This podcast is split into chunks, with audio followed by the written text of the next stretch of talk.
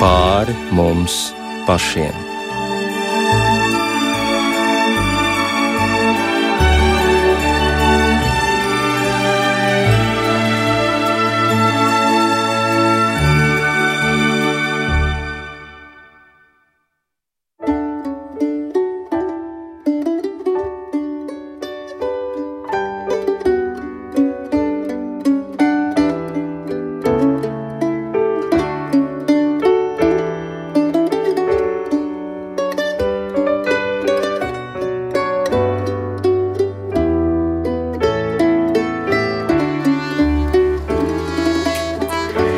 Esiet sveicināti raidījumā pāri mums pašiem, lai ir slavēts Jēzus Kristus.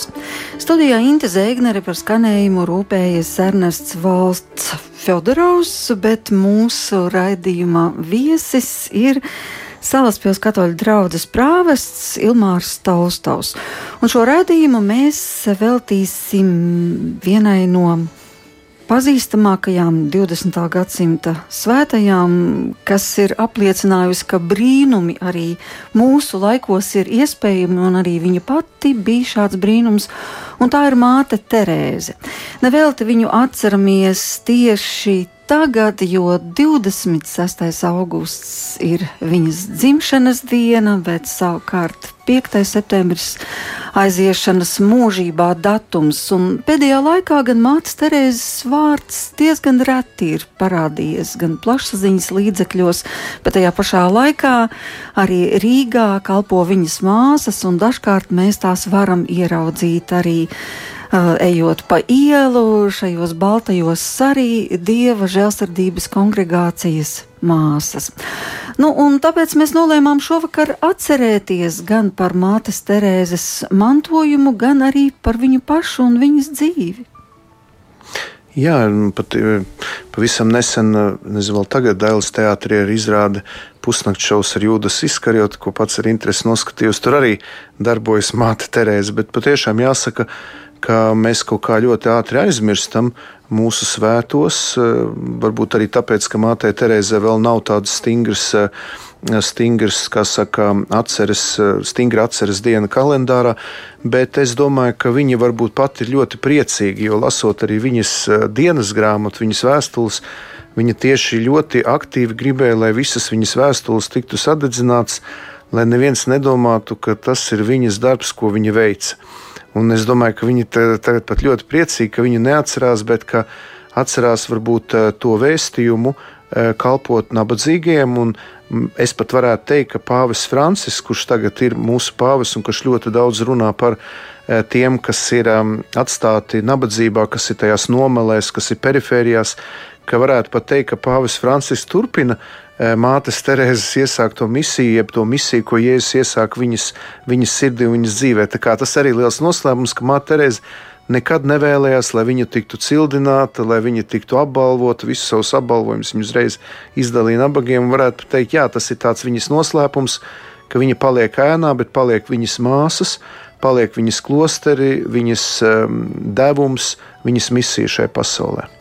Bet ar ko tad viss sākās? Albānijā piedzima meitene, tāda Jā. pati kā visas citas meitenes.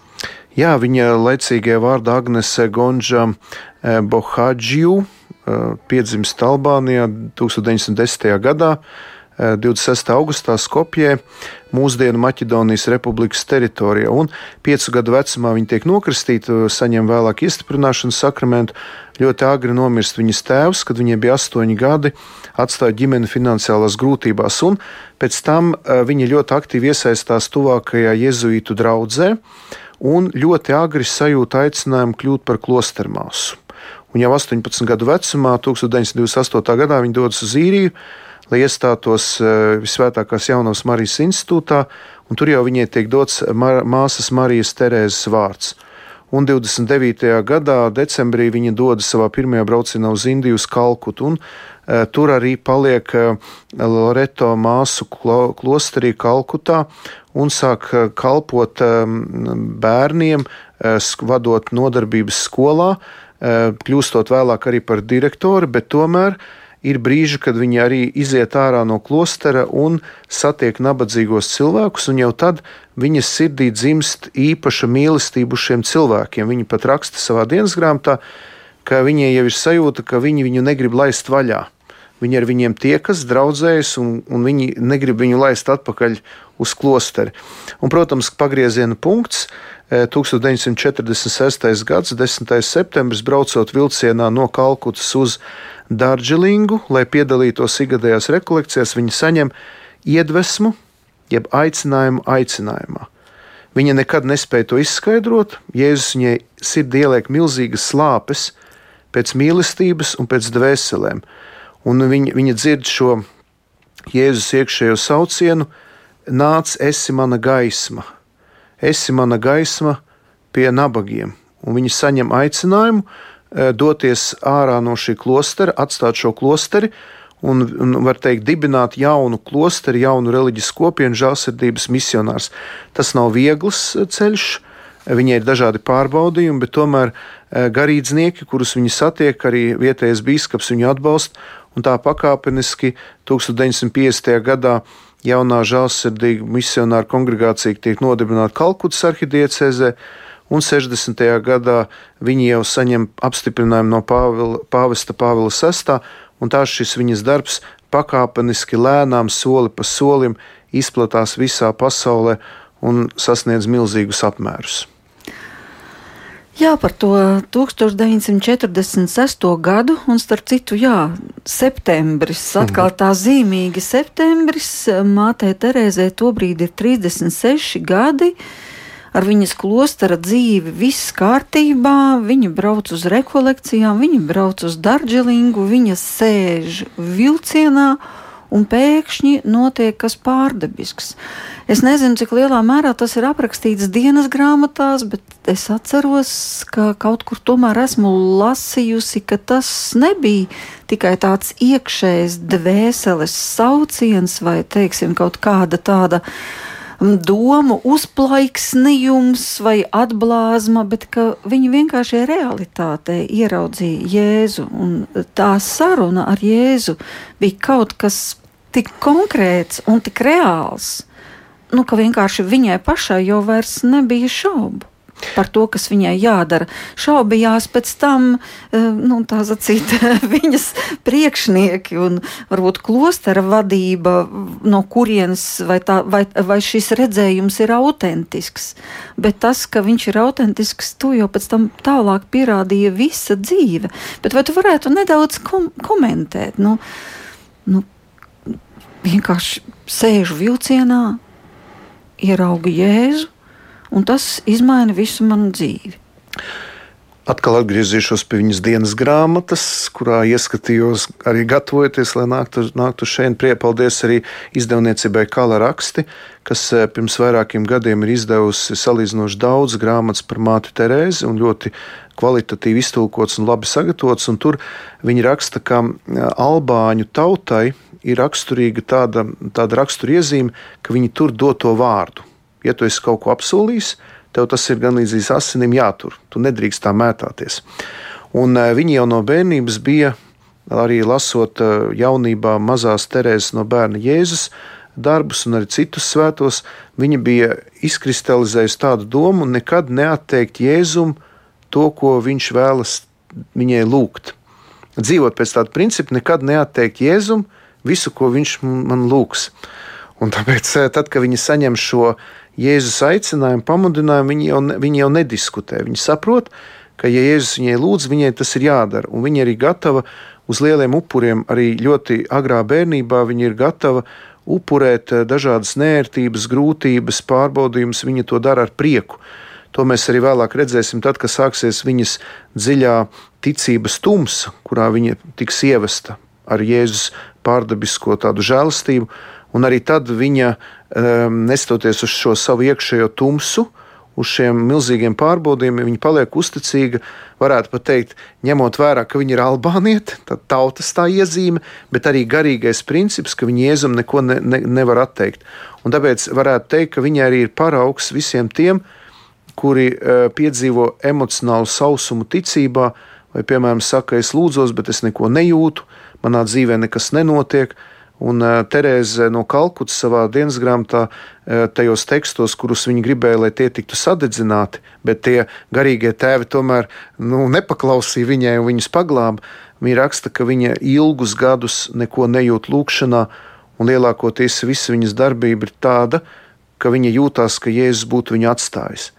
Un es domāju, viņi ir tāds iedrošinājums tiem, Eh, kuri domā, ka viņa staigāja tā ar tādu pa mākoņu maliņām, viņai bija apkārt eņģeļu pulka, viņa visu laiku bija tāda iepriecināta. Nē, viņa piedzīvoja dziļu tumsu, un, eh, bet viņai tas tā, tā apņēmība un tas lēmums, ko viņa pieņēma, ka viņa neatteiks Jēzum neko un kalpos, tas bija tas, kas viņai ļāva izstarot prieku, un apkārtējie cilvēki nemaz nezināja, nemaz nevarēja nojaust, kādā stāvoklī patiesībā atradās šī eh, nu, jā, mūs, mūsu laiku izcelā mistiķa un svētā.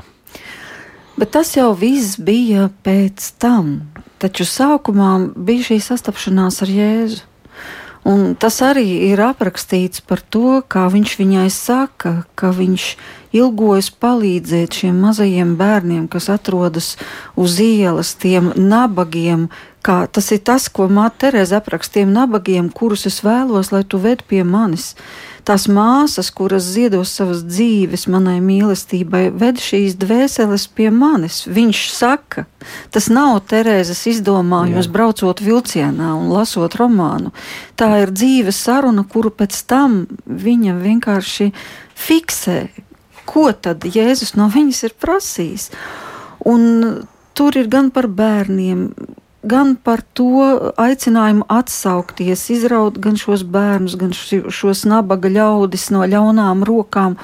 Un tad es tā iedomājos par to kalkutas situāciju. Tā taču tomēr bija liela drosme arī viņai atstāt klosteri un doties ārpus ierastās vides, kur viņi var ļoti labi kalpot, lūgt. Galu galā eh, ik pa laikam iziet ārpus klostera sienām un pabarot kādu nabadzīgu cilvēku un atkal atgriezties, saglabāt savu komforta zonu. Bet, bet Jēzus no viņas prasa kaut ko vairāk, kaut ko pilnīgi radikālu. Ej ārā no klostera, ej ielās. Es varu pakomentēt mazliet arī no teoloģiskā viedokļa, jo, kad rakstīju savu disertāciju par Vatikānu otro koncilu, bija ļoti daudz pārmetumi no, varētu teikt, teologiem, ka Vatikāna otrais koncils salīdzinoši maz pievērsās tādai nabadzības problemātikai, varbūt eh, trūkumcietēji problemātikai. Lasīju daudzus komentārus, kas gaudījumets spēs, eh, varbūt mazliet dokuments par baznīcas situāciju mūsdienu pasaulē pieskarās, bet salīdzinoši maz. Un man ir tāda sajūta, ka Dievs izvēlējās šo, kā viņa pati raksta, necilo un nepiemēroto svēto, šo cilvēku, lai atgādinātu baznīcai par šo harizmu, kas ir dziļi ierakstīta evaņģēlijā. Kā jau sākumā uzsvēru, ko tagad arī Pāvis Francisks aktīvi atgādina. Jo tas, ka viņa to sāka darīt Indijā, zemē, kurā valda kastu sistēma, kura nav kristīga zeme, kurā vispār varbūt pat eh, sludināt evaņģēli ļoti smagi, un eh, mēs zinām, ka tur ir hinduisms un tā tālāk. Un tomēr mēs redzam, ka dzīves beigās, kad viņa mirst 97. gadā, viņas izvadīšana tiek pasludināta par valsts svētkiem. Viņa tiek izvadīta kā nācijas māte. Tas vien parāda to, ka Dievs izvēlējās zemi, kura normāli nu, nevar būt par misionāru zemi, jo vienkārši ir ļoti pret kristietību vai ar savu pilnīgi citādāko kultūru. Ja? Un izvēlās cilvēku, kas ir trausls, kas dzīvo nemitīgā ticības tumsā, kas nevar neko lielīties, tad izvēlās tādu instrumentu, Eh, kurš ir līdzīgi kā jaunā Marija, kura vienkārši tiek izraudzīta, eh, lai kļūtu par dieva instrumentu šajā pasaulē, konkrētu misiju. Nevis tāpēc, ka šim cilvēkam būtu pašam no sevis kāda nopelna, bet Dievs jau viņa arī raksta, ka viņai sajūta, ka Dievs jau viņu no bērnības gatavoja šai misijai, ka viņa jau no agras bērnības sajūta, ka viņa ir dieva izvēlēta un ka viņa ir dieva instruments. Viņa jau nezināja tikai, kā Dievs viņu tālāk virzīs un vadīs, bet viņa jau skaidri raksta, ka viņa jau no bērnības sajūta ļoti īpašu, dziļu dieva tuvumu, un viņai jau no bērnības jaunības bija ļoti personiskas un dziļas attiecības ar Jēzu. Par to arī liecina šīs eh, klostera māsas, Loreto māsas Kalkutā, kur viņa bija pirms doties uz Graustu rajonu. Jau tad viņi eh, raksta, ka viņa jau bija īpaša ar savu, ar savu stāju, ar savu garīgumu, ar savu upuru gatavību, pašadevi. Ja? Tā kā varētu teikt, tas aicinājums neradās tikai 46. gada 10. decembrī, tajā vilcienā, tajā 10. septembrī braucot vilcienā, bet jau var teikt no viņas bērnības. Dievs jau viņu gatavoja šai misijai, un viņa bija izraudzīts instruments. Un tomēr tas ir ļoti neparasti, ka viņas sarunas ar Jēzu, nu, viņa daudz gan par tām neatklāja, vai redzējumi, kā viņa saka, vai vīzijas mēs varbūt varētu teikt, ir pavisam tādas konkrētas. Piemēram, Jēzus viņu uzrunā ļoti mīļos vārdos. Viņš saka, mana maziņā dāvā man dvēseles, nes mani šo nabagu alās, nāc, esi tu mana gaisma, es pats nevaru iet, viņi mani nepazīst.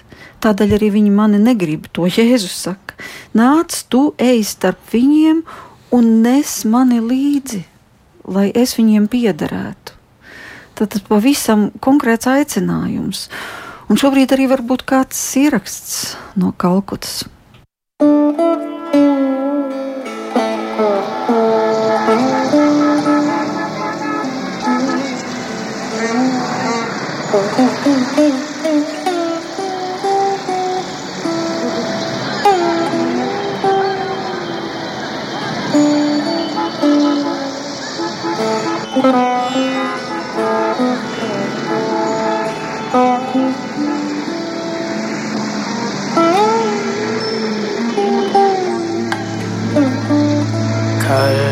갈고자 city of joy. Calcutta, city of pain.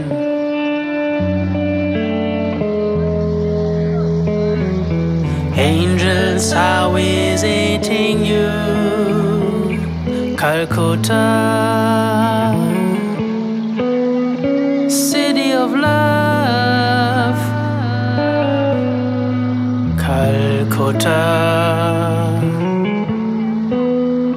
City of hope. Angels are visiting you, Calcutta.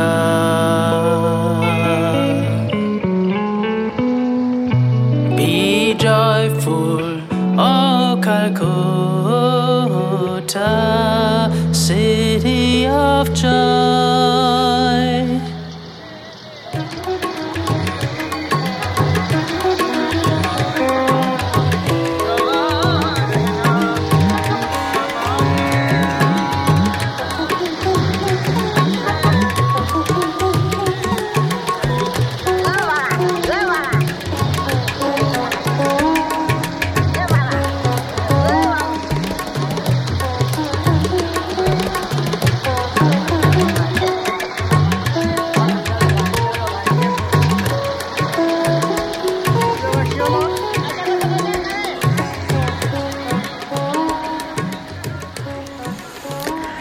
Jā, Kalkuta. Protams, tur tagad īpaši tiek godināta arī Mātes Terēzes piemiņa. Un šī Indijas vide un Indijas noskaņas Kalkutā neesmu bijusi. Indijā gan, un patiešām tur viss notiek pēc gluži citādiem principiem nekā mēs šeit savu ikdienu vadām. Bet šī cilvēka cieņa, ar kuru māte Terēze vērsās pie katra, kuru ieraudzīja tur, iziedama ielās, kad viņa arī pie, pievienojās jau pirmās māsas. Protams, ka mums ir diezgan viegli spriest par garīgumu, nu tā tīri teorētiski pie galda, un arī par dieva mīlestību un par mīlestību pret tuvāko, bet eh, diezgan grūti, nu, psiholoģiski tā izskaitā, redzēt cilvēku ciešanas, it sevišķi, ja tās ir tādā pakāpē, nu, kā to var redzēt Indijā, bet galu galā ne tikai Indijā, kā to var redzēt arī tepat Lūdzes ielā, kur kalpo mātes Terēzes māsas, un kāda ir viņa ikdiena, jo šī ikdiena sastāv no rūpēm par citiem cilvēkiem, tātad par tiem, kuri nevienam nav vajadzīgi, par tiem, kuriem nav māju, par tiem, kuru drēbes, es atvainojos, nelabi ož, par tiem, kuru kājas ir augoņos Un to es tiešām esmu redzējis pati savām acīm, to, kā viņas kalpo. Nerunājot jau par ēdienu gatavošanu, bet to, ka viņas veic arī šo medicīnisko aprūpi, viņas noliecas pie šo cilvēku kājām, pārsien šīs vātes, ja vajag labo arī zobus un, un matus apgriež, un pie tam šīs māsas, kas tur kalpo, viņas jau nav nu, teiksim, tā, ar četru klašu izglītību. Tur, kad biju, atceros, satiku piemēram vienu māsu, kura bija vispār animatore. Tajā nozīmē, ka viņa zīmēja multiplikācijas filmas un strādāja savā profesijā, un tad notiek šis neparastais aicinājums atstāt visu un sekot un kalpot visnabadzīgākajiem. Bet uh, tas pavisam nav vienkārši. Kā tu izskaidro vispār to fenomenu, ka kaut kas tāds ir iespējams un ka jau, teiksim, pēc dienas, divām vai trijām, nu, cilvēks totāli neiekrīt depresijā no tā, ka viņš redz tik milzīgas cilvēku ciešanas, nu, to bezcerību. Dažkārt ziemā ir tā, ka 200 cilvēku sanāk, kuriem Jā. māju nav. Gribu vispirms pateikt to, ka vienā laikā dzīvoja divi izcili svētie, Jānis Pauls II pāvests un māte Terēza no Kalkutas, un viņi abi divi. Eh, katrs savā veidā atgādināja pasaulē par to, ka katrs cilvēks ir vērtīgs.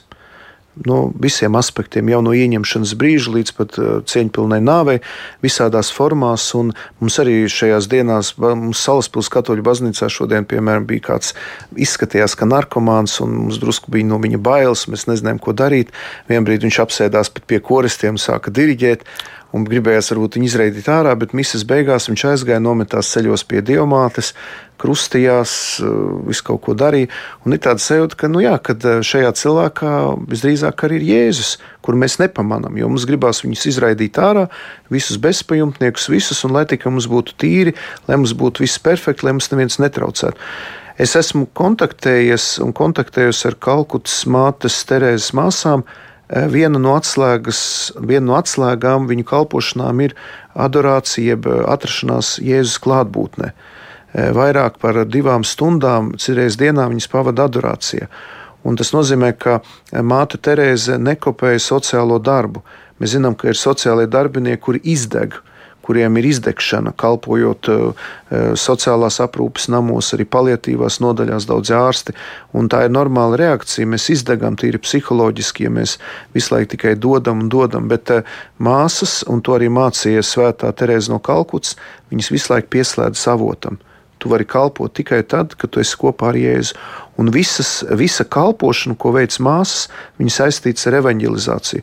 Kad sanākšu pie šie bezpajumtnieki, lai ēstu, lai viņus mazgātu vai labotu zobus, vienmēr tiek lasīts evaņģēlis, tiek teikts sprediķis, tiek aizlūgts. Nekas, nekad nenotiek tāpat vien. Šis kalpošanas darbs vienmēr ir saistīts ar Jēzus klātbūtni un veidojas tāda appusēja saikne. Māsas saskata Jēzus, un mēs katrs saskatām Jēzu šajos bezpajumtniekus un trūkumcietējos. Savukārt mums ir vajadzīgs arī viņiem nest Jēzu, ja mums ir jābūt kopā ar Jēzu, lai mēs varētu viņiem kalpot. Tad Jēzus ir viņos, un Jēzum ir jābūt mūsos, lai notiktu šī mīlestības apmaiņa, lai tas nepārvērsos tikai par vēl vienu sociālu darbu, kas, protams, ir ļoti vajadzīgs, un es negribu viņu mazvērtēt vai noliegt. Tas, ko dara laicīgās iestādes, sociālie dienas, tas ir ļoti īpašs kalpojums un ļoti vērtīgs. Bet Kalkutas mātes Terēzes māsas un arī vispār Kalkutas Terēzes, Svētās Terēzes, tā, tās vēstījums ir tieši tanī saskatīt katrā cietējā, saskatīt katrā tajā, kas cieš, saskatīt Kristu, saskatīt viņa vērtību Kristu.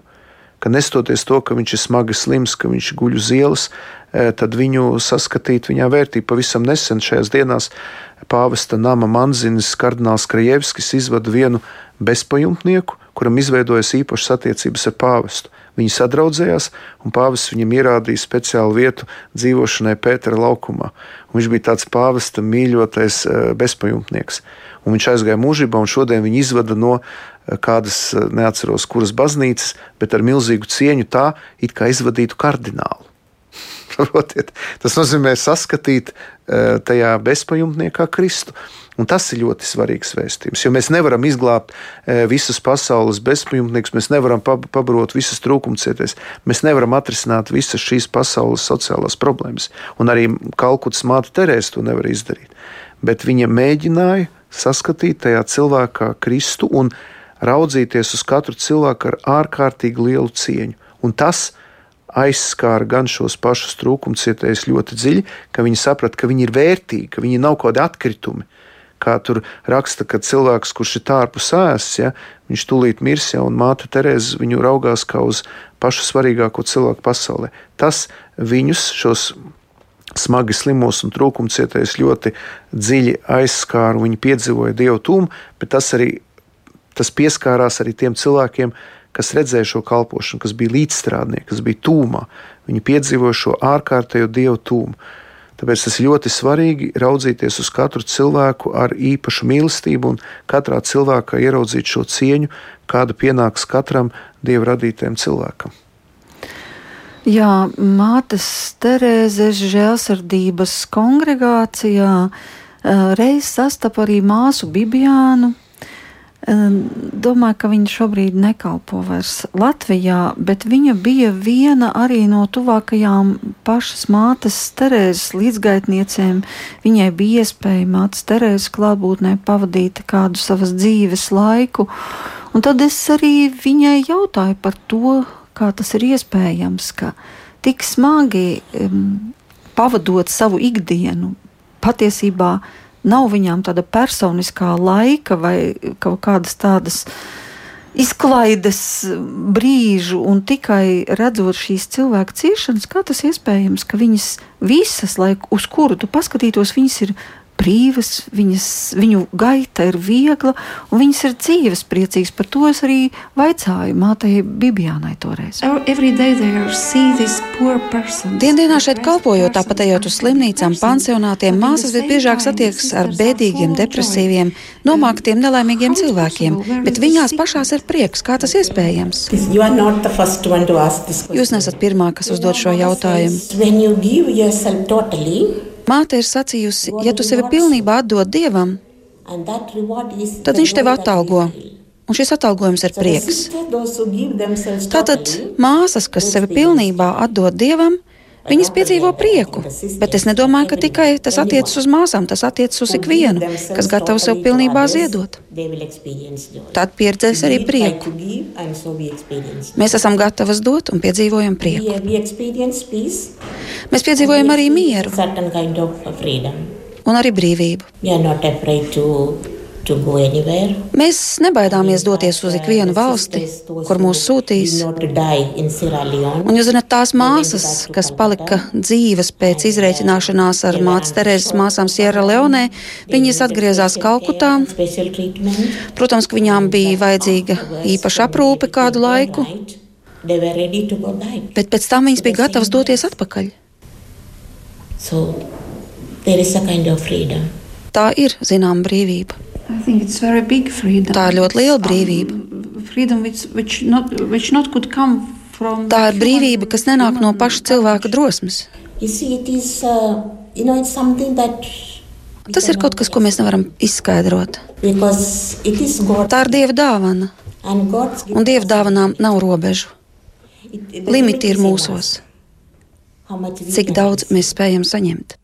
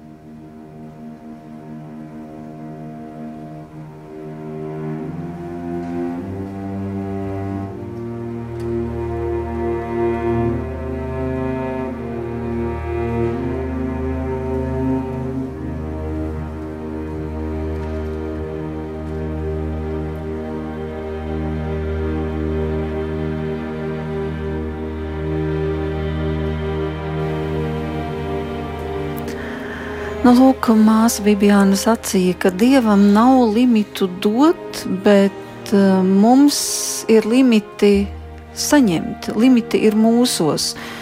Nu, tad jautājums, kas tie ir par limitiem un kāpēc mēs nevaram saņemt tik, cik Dievs mums vēlētos dot?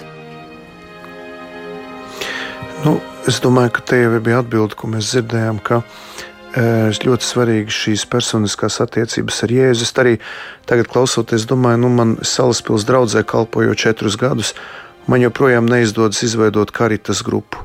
Mums ir draudzē ļoti spēcīga reliģiozitāte. Mēs dziedam koros, mums viss ir skaisti, un draudzē burbuļo, nāk ģimenes, bērni. Un, nu, es nevaru sūdzēties, man viss baznīca pilna, viss trīs dievkalpojumi pilni. Viss.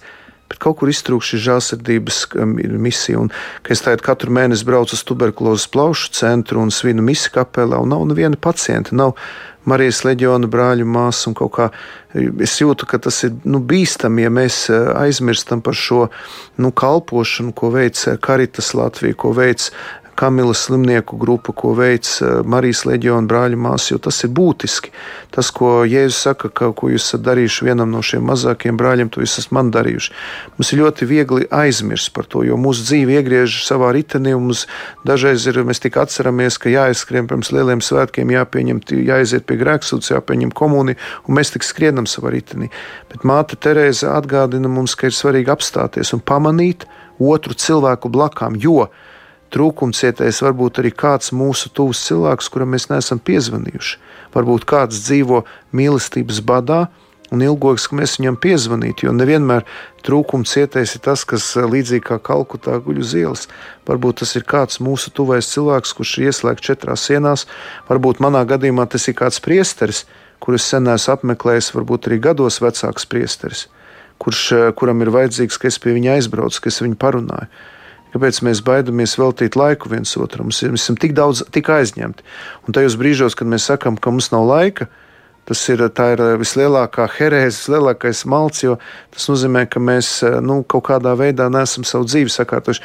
Man liekas, ka te ir svarīgi saprast, kas tad manā dzīvē ir svarīgākais. Un māte Terēza mums atgādina, ka Jēzus ir centrā, attiecības ar viņu, un tad no tā izriet šī kalpošana. Ja. Tas ir pats pamats. Te mēs dzirdējām ar šī intervijā. Pirmā lieta ir attiecības ar Jēzu. Viņš dod brīvību, viņš dod prieku, un to viņas nes arī šiem cilvēkiem. Jo es nedomāju, ka viņas pabaro arī šeit Rīgā visus Rīgas trūkumu cietējus un palīdz eh, visiem, kam vien tas ir vajadzīgs. Bet pirmkārt, satiekot viņus, arī šie trūkumu cietēji, arī šie eh, cilvēki, kas ir piedzīvojuši dažādas atkarības, viņi pirmkārt ierauga priecīgas māsas, kas ir brīvas Kristū, kas nes šo starojumu, Kristus starojumu. Un es pazīstu ļoti daudz cilvēku, kuri, pateicoties eh, Kalkutas māsām, arī Rīgā, ir atgriezušies pie, pie Dieva, kas ir izmainījuši savas dzīves, izrāpušies no tās bedres, kļuvuši ticīgi un uh, savu dzīvi veido pavisam citādāk. Un tas ir tas mērķis. Ne jau iedot viņiem to maizes klaipu, ne jau tikai pabrot. Tas ir šis pamatlīmenis, ka cilvēkam jāpamierina savas pamatvajadzības, bet tālāk seko šis transcendentais, šis pārdabiskais līmenis. Viņam jāapmierina e, vajadzības pēc mūžīgās dzīves, jo ko dod, ka tu viņu pabaro, ka tu viņu apģērbi, bet ja viņu dvēseli iet bojā, tad mērķis ir glābt dvēseles, mērķis ir cilvēkus vest uz dievu valstīm. Protams, primāri palīdzot cilvēkiem materiāli, lai viņi varētu dzīvot cilvēku cienīgu dzīvi. Bet nedrīkst aizmirst, ka tālāk ja, seko šis te, e, nu, tas iet kopā patiesībā. Kalkutas mātes Terēzes māsas dara to kopā. Viņas vienlaicīgi gan iedod šo, e, šo barību, šo apģērbu, sasilda, e, pabaro, un tad pabaro dvēseli, ja, dod Kristu, kas ir visu mūsu izsalkumu un slāpju piepildījums. Tas ir viss mūsu dzīvē. Ja Kristus, tad ir viss. Tad ir viss atrisinās, varētu teikt. Tāpēc ļoti svarīgi saredzēt šo Kristus klātbūtni un neaizmirst par viņu visās lietās, darīt visu ar mīlestību. Tas bija viņas arī devīze - darīt visu ar mīlestību. Jā, nu, protams, viņas pazīstamie vārdi par to, ka uh, viņas darbs ir tikai kā piliens okeānā, bet ja nebūtu šī piliena, tad okeāns būtu par šo vienu lāsi mazāks. Protams, viņa ir arī teikusi, ka viņa ir tikai instruments dieva rokās, bet um, es atceros, ka reiz, tad, kad biju pie mātes Terēzes māsām, tur Ludas ielās, uh, Ludas ielā mani pārsteidza uh, kāds vīrietis. Tātad brīvprātīgais, jo tur kalpo arī brīvprātīgie, tad pieteikties var aiziet var un kaut vai dienu, ja ir tāda vēlēšanās, nu, izdalīt zupu vai nomizot kartupeļus. Un lūk, šis cilvēks ar tādu ļoti priecīgu sejas izteiksmi, te krekliņā, uh, dalīja tādus nelielus saldumus šiem cilvēkiem un teica, uh, You're welcome, you're welcome, you're mhm. welcome. Mm -hmm. Dažkārt lūdzu. Un, mm. un es ļoti izbrīnījos, domāju, kas tā par lietu ir. Nolēmu pavaicāt, no kurienes viņš ir. Un tad izrādījās, ka viņš bija kādas kuģu kompānijas īpašnieks, kas šeit tajā brīdī Latvijā atradās. Un um, viņš teica, kas jūs izbrīna? Jūs izbrīnat tās, ka es esmu biznesmenis, ka man ir daudz naudas, un ka es šeit atrodos starp šiem nabadzīgajiem cilvēkiem un dalu pārtiku. Bet mums tas ir Zviedrijā normāli. Ja tu esi biezais, tas nenozīmē, ka tev ir tikai greznos uzvalkos, jāgrozās starp sev līdzīgajiem un jāstaigā pa pieņemšanām. Tev ir jāspēj dalīties ar to, kas tev ir un tikai tad vispār dvēseli iegūst šo garīgo barību, tikai tad tu piedzīvo kaut ko tādu, kam tu vari vienkārši visu mūžu strādājot un darot. Paiet garām. Bet, protams, otra lieta, viņš bija arī šokā par to, ka kā gan tas tā var būt, ka visiem cilvēkiem nav savu māju. Un, diemžēl tā ir mūsu realitāte.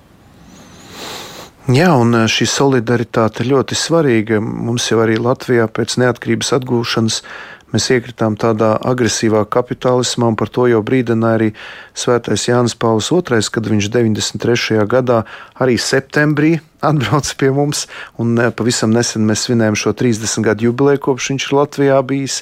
Viņš atgādināja Latvijas Universitātes aulā, mēs varam arī atrast viņa uzrunu, kur viņš teica, ka jūs eh, bēgot no sociālisma, no komunisma, iekritīsiet ļoti lielā individualismā. Bet arī tas ir eh, maldīgi. Un tāpēc mēs redzam, ka mums ļoti grūti domāt par kopīgo labumu. Latvijas, eh, var teikt, arī materiālās atzimšanas izaugsmes pamatā ir rūpes par otru cilvēku, par kopīgo labumu. Varbūt tāpēc arī mums neiet, ja, arī ekonomiski.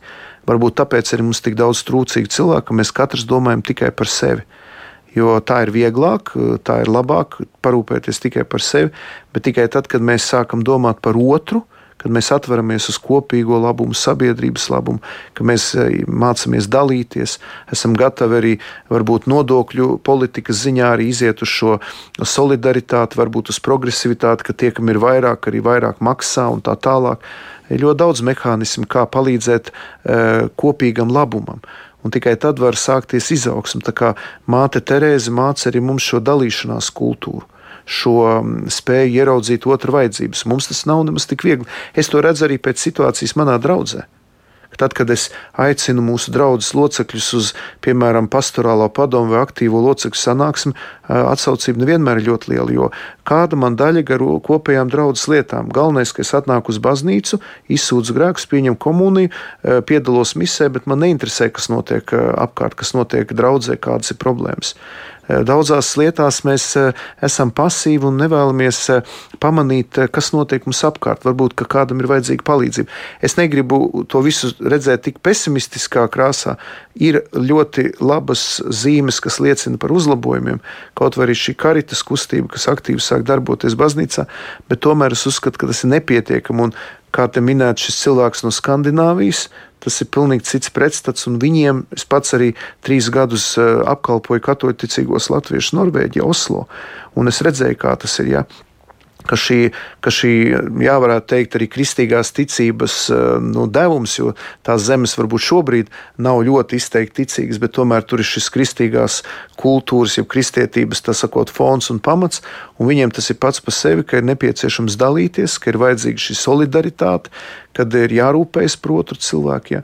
Un tas mums ir tāls ceļš arī pēc neatkarības atgūšanas. Mēs joprojām esam, kā saka, tajā domāšanas veidā, kas bija agrāk. Ja? Mums ir vajadzīgs mainīt šo uztveru un pamanīt otru cilvēku viņa vajadzības. Un Kalkutas Terēze mums to arī ļoti labi var iemācīt.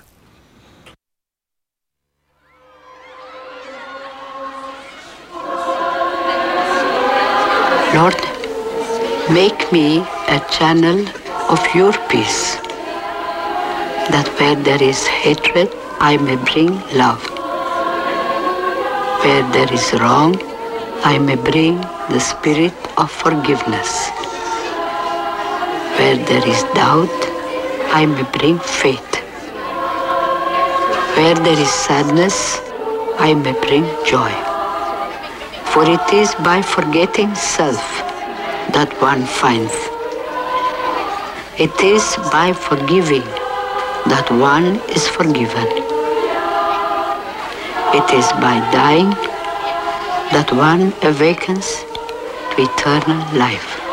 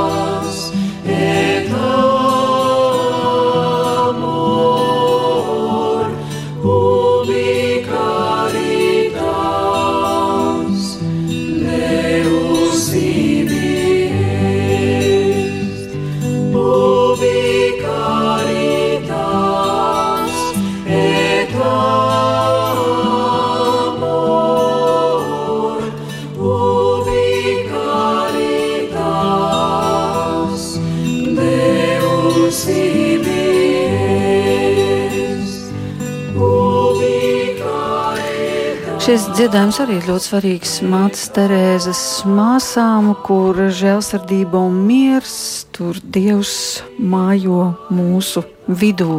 Un pirms tam mēs dzirdējām arī mātes Terēzes balsi, šo lūgšanu Dievs dari man mani par miera instrumentu, lai tur, kur ir karš, es varu nest mieru, lai tur, kur ir šaubas, es varu nest pārliecību aizmirstot eh, sevi, lai varu atrast tevi. Piedodot, mums tiek piedots, bet nomirstot, mēs iegūstam mūžīgo dzīvi.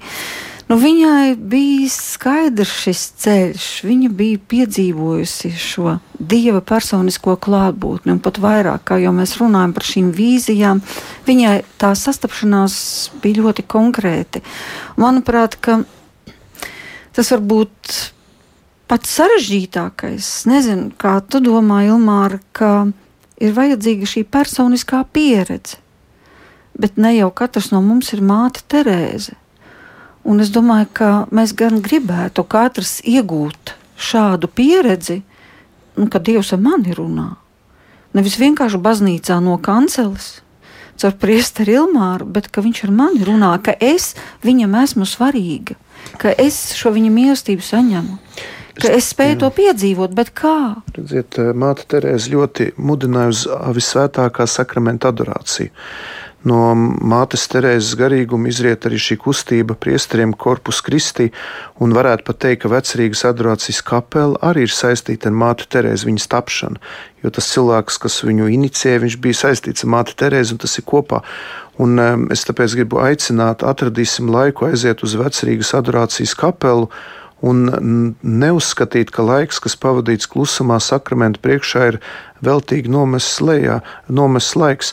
Mēs arī Salaspils draugzē tagad mums būs lieli svētki no 6. līdz 8. oktobrim, un mēs arī plānojam nakts adorāciju, lūkšanu nakti sakramenta priekšā no 6. uz 7. oktobri.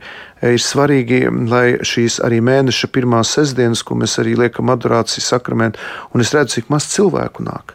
Tik daudz svarīgu lietu, bet ja mēs Jēzum neveltīsim laiku katru dienu, Es cenšos to darīt stundu iekšējā lūkšanā vai adorācijā, kā man sanāk. Es katru dienu varu vaļā pats tabernāku un sēžu sakramentu priekšā. Jo, ja es nebūšu pie sakramenta, ja es nebūšu eh, pie tabernāku un adorācijas, neko nevarēšu izdarīt. Tātad mūsu spēks ir kalpošanas spēks, ticības spēks nāk no šīs adorācijas. Ja ir tie, kas nav katoļi, tā, tad tā ir šī personiskā saruna klusumā, tā būtu meditācija, kontemplācija, vienalga. Varbūt ar dievu vārdu pabūt kopā, bet ir svarīgs, lai personisks lūkšana laiks kopā ar Jēzu. Nu, tā tad bija ļoti daudz svešvārdu, adorācija, kontemplācija, nu, varbūt meditācija bija pazīstamākais no tā nu, visa. Nu, adorāri tas un... ir pielūgsmi, ja, bet atrašanās šeit ir ļoti svarīgs kontakts ar Jēzu, personisks kontakts, un lai tas varētu notikt, man ir jāatrod laiks katru dienu, tās var būt 10, 15 minūtes, 20 pusstunda, man jāatrod laiks ar Jēzu, un māte Terēze teica savām māsām, divas stundas dienā ir adorācija. Un tas nekas, ka ir daudz eh, bezpajumtnieki. Nav tā, ka viņi skrien haotiski skraida. Vispirmām kārtām ir adorācija, un tikai tad šī atrašanās klusumā Jēzus priekšā, un tad izējot no tā tālāk ir kalpošana. Nu, tātad šī kapela turpat pie saimas uz tā stūra pretī Jēkab katedrālē, tā arī rakstīts adorācijas kapela, tātad kapela, kurā valda klusums, kurā neviens ne ar vienu nesarunājas, bet tu pats klusumā vari sarunāties ar Dievu, teikt viņam visu, kas uz sirds, un pilnīgi iespējams saņemt arī tūlītējas atbildes. Bet tās jau ir tik personiskas attiecības, ka kat, ar katru tas notiek citādāk, bet notiek. Vienkārši tas nozīmē, ka tas pirmais solis, tas ir ir mūsu izvēle, tā sanāk. Jā, pirmām kārtām atzīt, ka ka laiks, kas pavadīts ar Dievu, nav otršķirīgs, piecšķirīgs, desmitšķirīgs, bet tas ir pats svarīgākais. Mēs mūsdienās tiekam bombardēti ar, ar to, ka mums nav laika, un ļaunais gars bieži vien iegalvo, ka mums ir jādara tas, jādara tas, jādara tas. Un man ir cilvēki, kuriem saka, Priestri, Ilmārs, visu vasaru nebija baznīcā, jo piedodiet, bija festivāls, bija koncerti, bija tādas izklaides, man bija viss kaut kas bija aizņemts. Es ne, man trīs mēnešus nebija, man vajadzēja izklaidēties. Oi, oi, jau septembris, oi, tūlīt būs Ziemassvētku, hops, man jāskrien, man kaut kas jāķer. Jā. Un tad cilvēks atnāk uz misiju, viņš nav atnācis saulēcīgi, viņš skrien misijas sākumā, misijas vidū, viņš skrien pie grēksūdzes, aizelsies. Pēdējo reizi es biju tad un tad. Ja. Bet es saku, bet varbūt apstāsimies. Varbūt mazliet sagatavosimies. Ja. Te nav lielveikals, te nav, zin, kur nopīkstina tās preces. Ja. Mēs dzīvojam laikmatā, kur visu laiku jāskrien, bet māte Terēza aicina apstāties. Viņas spēks izrietēja tieši no šīm personiskām dziļām attiecībām ar Jēzu klusumā. Tāpēc, ja iznāk iespēja apstāsimies, mēs neko nenokavēsim. Es arī neko nenokavēju, ka es katru dienu lūdzu šo lūgšanu, es tikai iegūstu. Jā, nu tad pie šiem vārdiem mums būtu arī raidījums jānoslēdz. Saku lielu paldies priesterim Ilmāram Taustavam no Salaspils katoļu draudzes, un kā dzirdējām, oktobris pat vesela nakts, būs lūkšanu nakts, kad būs iespēja vēl vairāk izjust šo garīgo satikšanos ar Dievu, bet tas pirmais solis, laikam, tas ir tas svarīgākais. Un kaut kāds lēmums par tām 15, 20 minūtēm vai pusstundu Tas ir arī ļoti būtisks. Šovakar kopā ar jums bija Inte Zeignere, par skanējumu rūpējās Ernests Valsts Fedorovs, un atgriežamies mēs pie mātes Terēzes balss.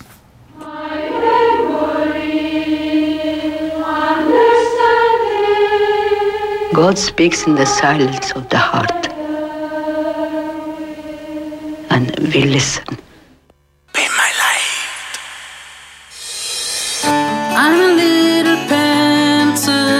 sand. Come and write the story of love. Be my light. Be my light. The fruit of silence is spread.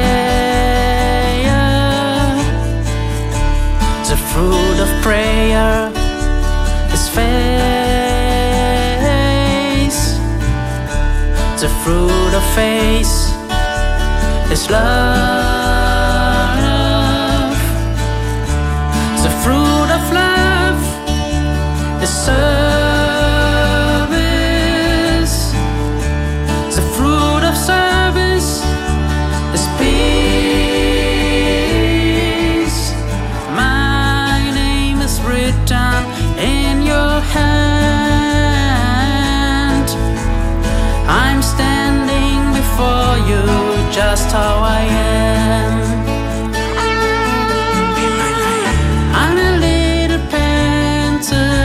sound